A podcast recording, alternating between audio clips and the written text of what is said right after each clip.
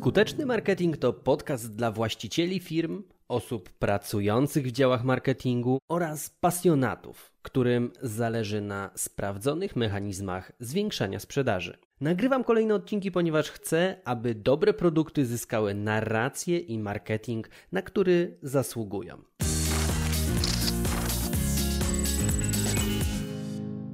Siostry Godlewskie, Robert Makłowicz, Radek Kotarski. Co łączy tych twórców? Z pozoru niewiele, działają w różnych branżach, mają odmienne grupy docelowe i każda z tych osób monetyzuje swoją działalność na swój sposób. Ale ich wspólnym mianownikiem jest marka osobista, czyli nazwisko, które mówi za nich praktycznie wszystko. Co stoi za sukcesem tych twórców i jak wykorzystać ich praktyki do budowania własnej marki osobistej? W tym odcinku przeanalizujemy sobie ich twórczość. I zacznijmy od branży, na ile ma wpływ na wyniki. No bo u Roberta Makłowicza branża jest to kulinarna, u Radka Kotarskiego treści popularno-naukowe, a u sióstr Godlewskich branża muzyczno-rozrywkowa. Jednak nie tylko rodzaj branży jest ważny, ale także jej potencjał liczbowy. Treści kulinarne śledzą miliony osób, vlogi z gotowania, jakieś przepisy, pomysły na wykorzystanie produktów, które zalegają w lodówce, no to się klika, więc nisza jest jak najbardziej odpowiednia. Jedynym wyzwaniem zdaje się być tutaj konkurencja, która jest równie obfita, bo nie mówimy tylko o pojedynczych vlogerach czy blogerach,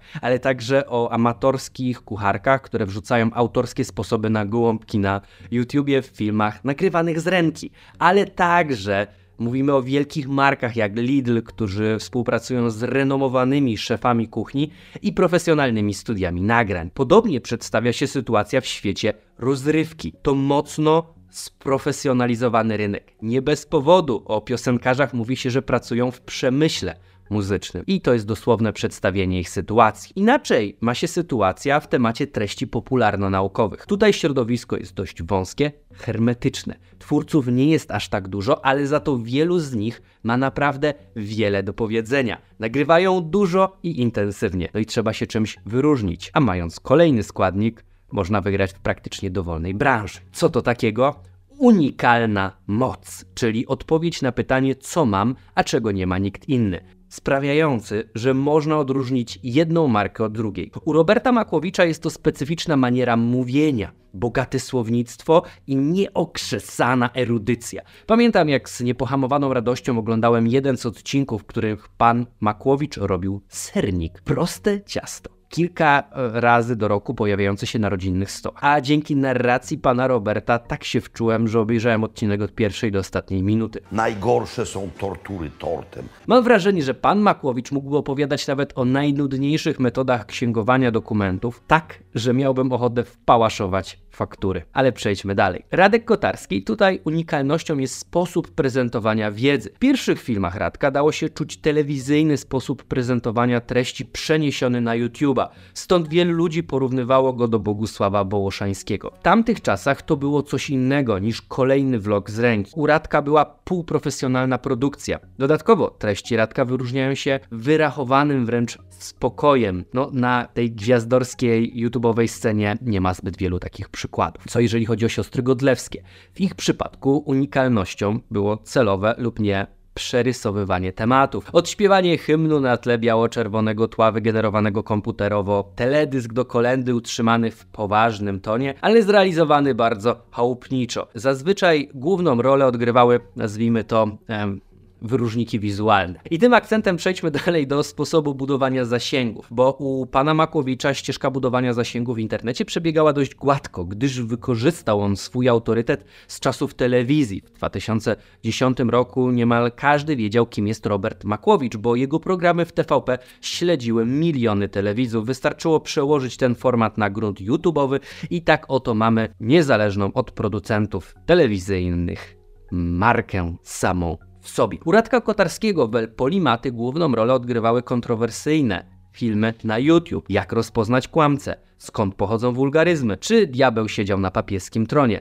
Aż chce się w to wszystko pliknąć. Wystarczyło dorzucić do tego przykuwającą uwagę miniaturę i voilà. Teraz jako założyciel wydawnictwa Altenberg zwiększa rozpoznawalność, zapraszając znane marki osobiste do współpracy w zakresie wydania książki. No i do tego współpraca z Dawidem Podsiadło w ramach wspólnego podcastu który kręci ogromne wyniki. U sióstr Godlewskich naczelnym mechanizmem zdobywania wiralowych zasięgów jest wybijanie muzycznego kija facebookowe mrowisko, podejmowanie się tematów, które polaryzują i granie na nich. To strategia odważna i agresywna, ale no jak widać skuteczna, znamy je. Choć na płaszczyznę biznesową lepiej nie przenosić, no chyba, że akurat sprzedajesz coś w stylu napoi energetycznych. Przejdźmy sobie teraz do metod budowania zaufania, bo w przypadku pana Makłowicza już wspomniałem o zaufaniu wyciągniętym z czasów telewizyjnych, jednak warto pamiętać, że zaufanie jest kwestią zmienną. Chodzi po schodach, a wyskakuje z okna, dlatego cały czas trzeba o nie zabiegać. Zauważ, że pan Makłowicz ma bardzo wyselekcjonowane współprace reklamowe. Jeżeli już coś reklamuje, to jest to ogromna marka ciesząca się światowym uznaniem. Nie chwyta się podejrzanych deali czy jakichś produktów z dropshippingu. Zupełnie tak jak Radek Kotarski. To nie jest twórca pokroju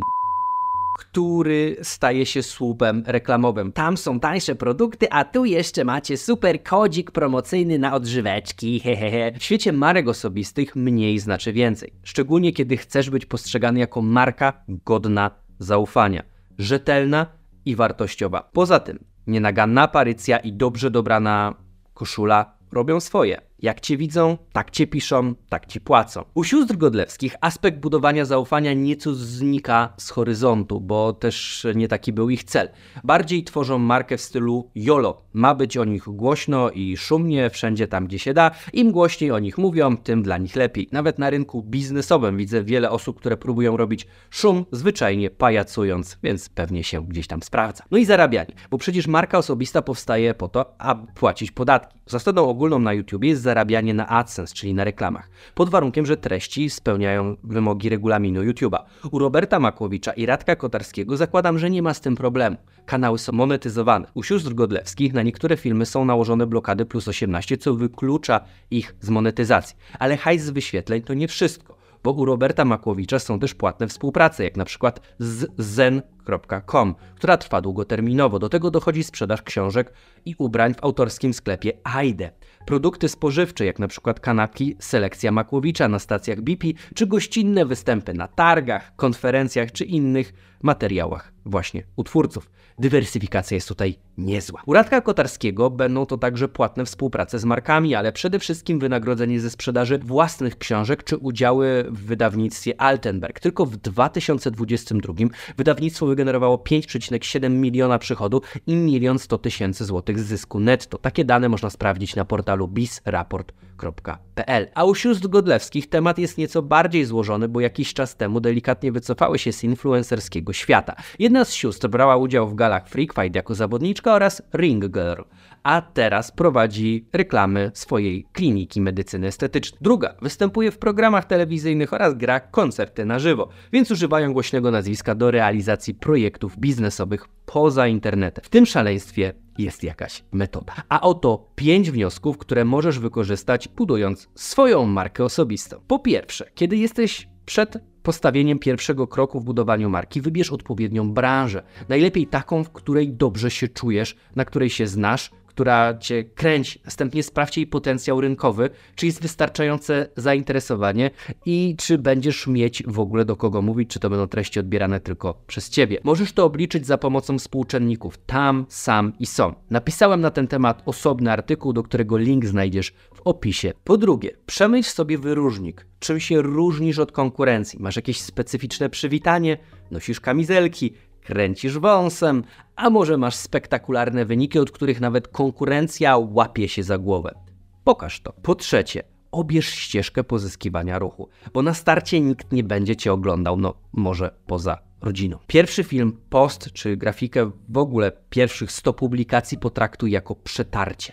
Następnie pomyśl o płatnych kanałach promocji, dzięki którym najszybciej zrobisz szum. A potem zostaje krosowanie się z innymi twórcami i ustawiczne zbieranie plonów z wielu miejsc. W przypadku monetyzacji jestem fanem dywersyfikacji. W przypadku zasięgów niekoniecznie. Lepiej skupić się na jednym, dwóch kanałach, które będziesz robić dobrze, niż być dostępnym wszędzie, gdzie się da, ale nie mając stałego kontaktu z obserwującymi. Po czwarte, Zastanów się, co sprawi, że ludzie ci zaufają. Pokaż reprezentatywne przykłady swoich prac, osiągnięć, sukcesów, czegoś, co daje ci glejt, aby wypowiadać się w danym temacie, co klienci osiągnęli dzięki Twojej pomocy. Im więcej liczb, konkretów, faktów i niewyobrażalnych metamorfoz, tym lepiej. Poza tym, łatwo się zgubić w świecie social mediów, więc nie stań się billboardem reklamowym. Jeżeli coś reklamujesz, to przede wszystkim swoje produkty. Po piąte, dywersyfikuj źródła przychodu. Jeśli robisz szkolenia, nie zamykaj się tylko na nie. Na ich podstawie opracuj książkę, audiobook, kurs online, własne produkty. To są kolejne źródła wpływów. Dodatkowo przemyśl, co chętnie kupią Twoi odbiorcy